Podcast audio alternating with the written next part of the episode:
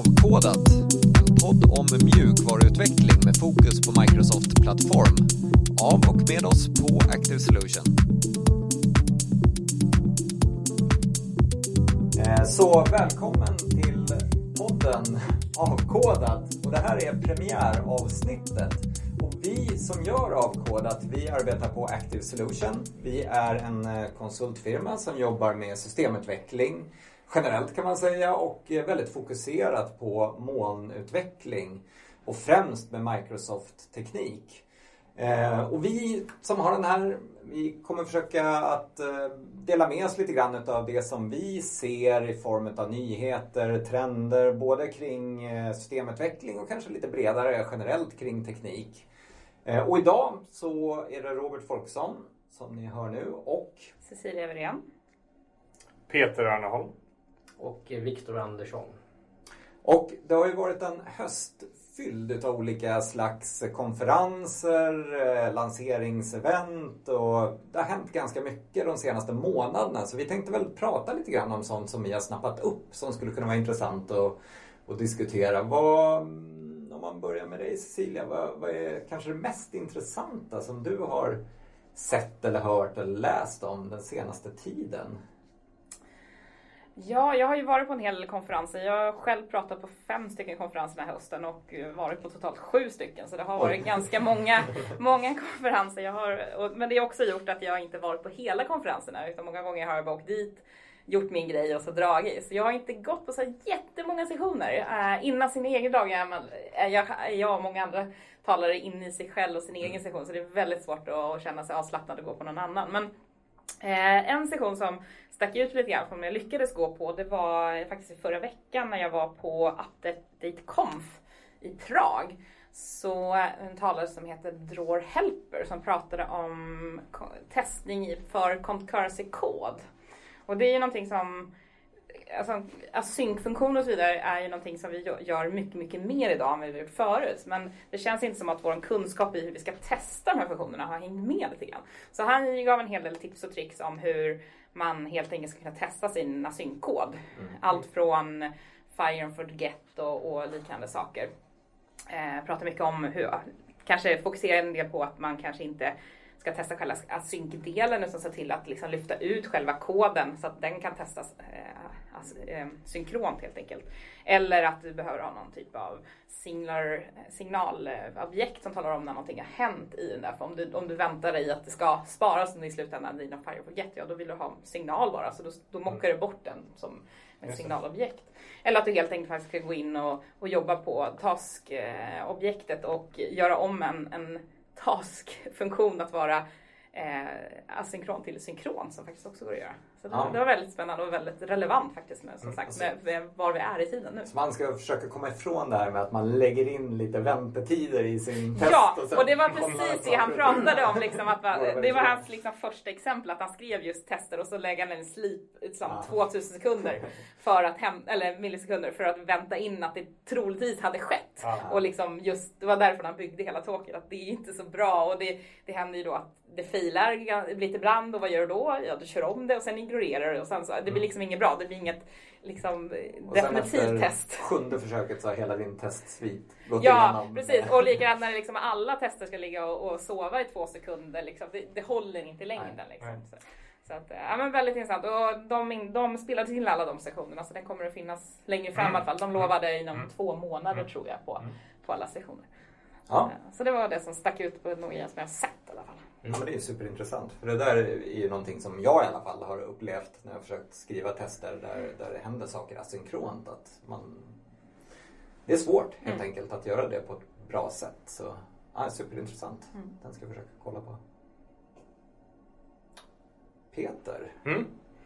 Jag har inte varit på, ehm, jag har varit på Tech Days under hösten. ehm, Men det är samma sak där att innan, konferens, innan man sitt eget talk så är man liksom helt, helt borta och efter sitt tåg så är man lite så här endorfiner så kan man inte koncentrera sig på något annat ändå. Liksom. Så att, eh, men jag var på en, om man kollar på vad grejer jag var på så var jag på en som, som där vi har varit involverade när Microsoft pratade om att man kan utöka Azure AD B2C och använda BankID där.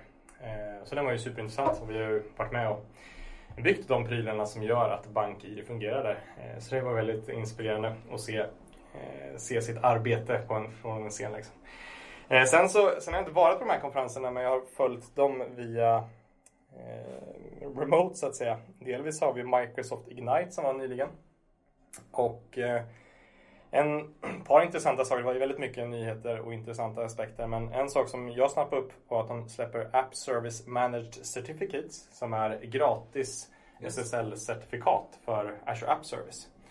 Eh, och den gör ju att man kan liksom, i många fall inte behöva använda Let's Encrypt eller, andra, eller betala för sitt cert. Tyvärr, eh, brasklappen som de inte är riktigt lika tydliga, det är att den inte har stöd för Apex Domains, eller som man ibland svenska säger, den nakna domänen. Så till exempel en subdomän är ju www.activesolution.se och den nakna domänen är activesolution.se. Så det gör ju att för produktion, så, så även om man kanske har produktionssajten på en, på en subdomän så vill man ändå göra en redirect från Apex-domänen. Så att den, det kommer antagligen komma på sikt att, att, eh, att man kan ha dumstarter där också. Men det faller lite där. Men sen annars så, så i och med att vi jobbar rätt mycket med, eh, med GitHub Open Source så kikade jag på GitHubs eh, keynote som var här häromdagen, jag tror det var i förra veckan. De, det är bara en intressant aspekt. Så de har kollat, jag vet inte var källan kommer ifrån, men de säger att 99% av alla mjukvaruprojekt worldwide använder open source. Eh, och det är liksom, ja, men det är, jag vet inte vilka, vilka som faller in under det sista liksom. Men det är, det är knappt så att, men till och med militär och alla borde ju använda det liksom. Det finns ingen, jag vet inte riktigt vilka de här sista procenten är. Men. Nej. Ja, men, och, och om man tittar bara på .NET som, som vi alla är verksamma inom så menar, Core är ju open Ja, source. ja. Då blir det på att även om du inte tar in några som du tänker det. så blir du på att man inte använder open source som att hela Precis. frameworket är open source Ja, från början. exakt. Ja, du, kan- nej, exakt. Du kan ju inte ens skriva .NET längre. Nej, att, ja, det har du helt rätt i. Eh, Men sen släpper de en eh, Mobile App så att man kan jag vet inte, de sålde in det ganska bra men man får också känslan att nu kan, nu kan aldrig släppa jobbet längre. Eller nu kan, men så för de pitchar in att nu, now you can receive push notifications instead of receiving the emails. Men jag tror att den här mobilappen var, kommer bli ganska bra. Den är privat preview än så länge.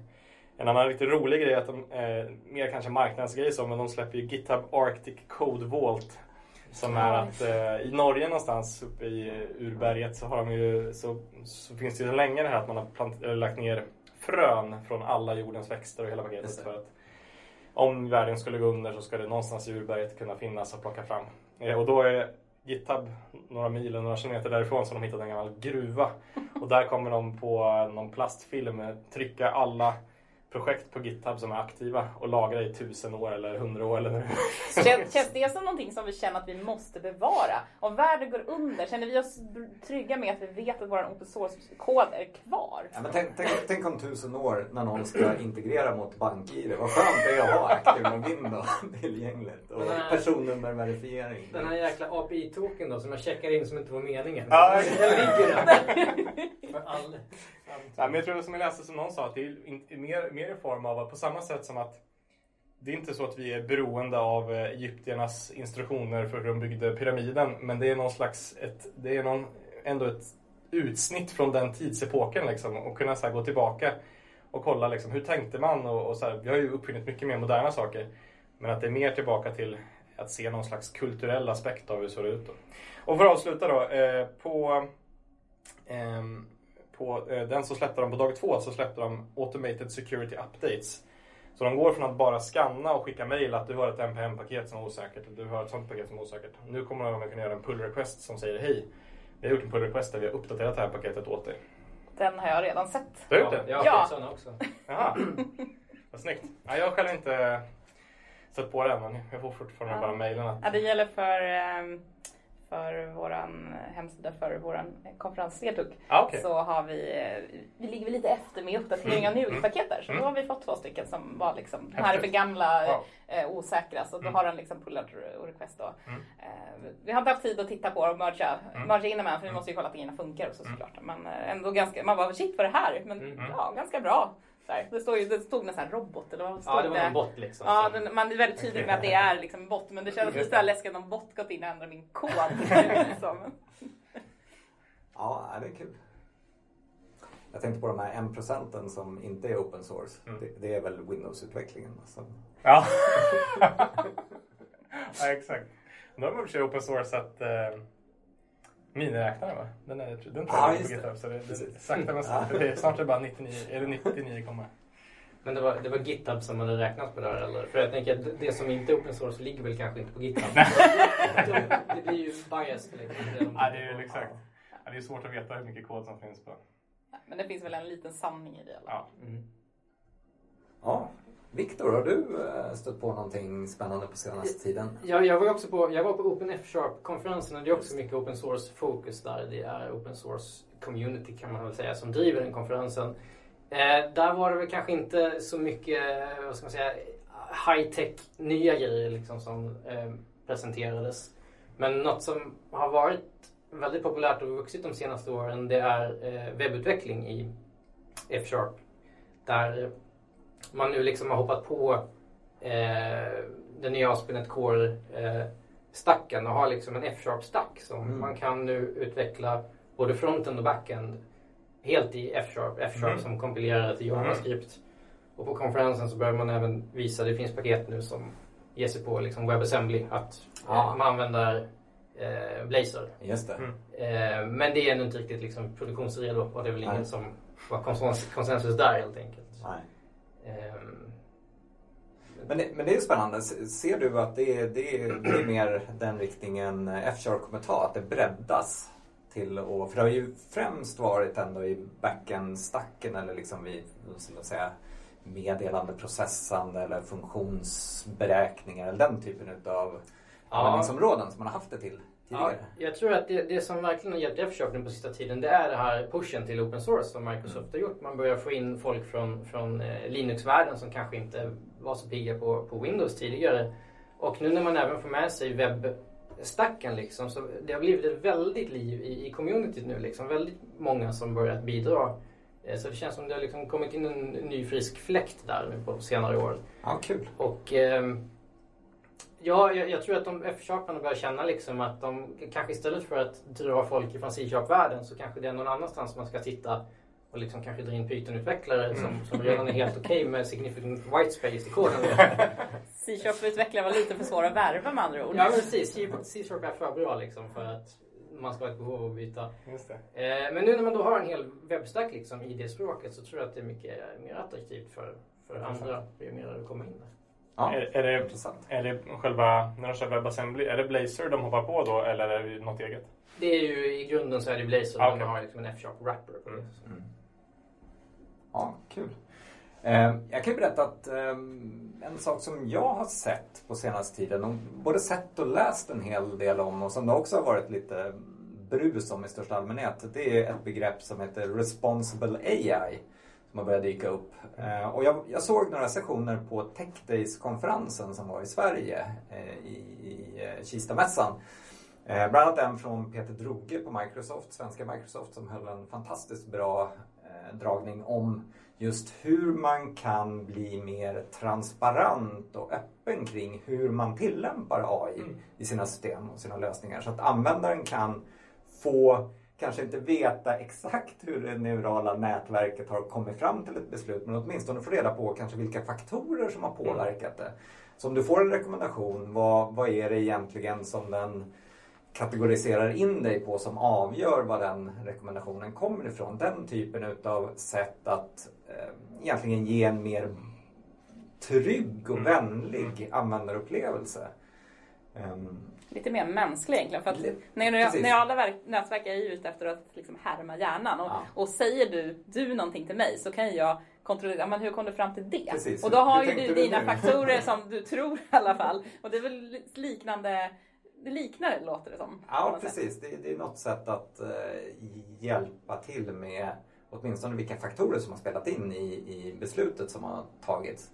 Eh, jag tycker det är jättespännande. Jag tror att vi kommer få se mycket mer fokus på det. Eh, Microsoft, det är inte bara Microsoft, men Microsoft pushar rätt hårt för det. Och det, det finns redan visst material från dem som man kan läsa om det här och, börja komma lite sådana guidelines kring det. Men de kommer komma med mer material. Eh, Peter visade en del exempel på det som inte har blivit publikt än. Så jag tycker det är ett superspännande område.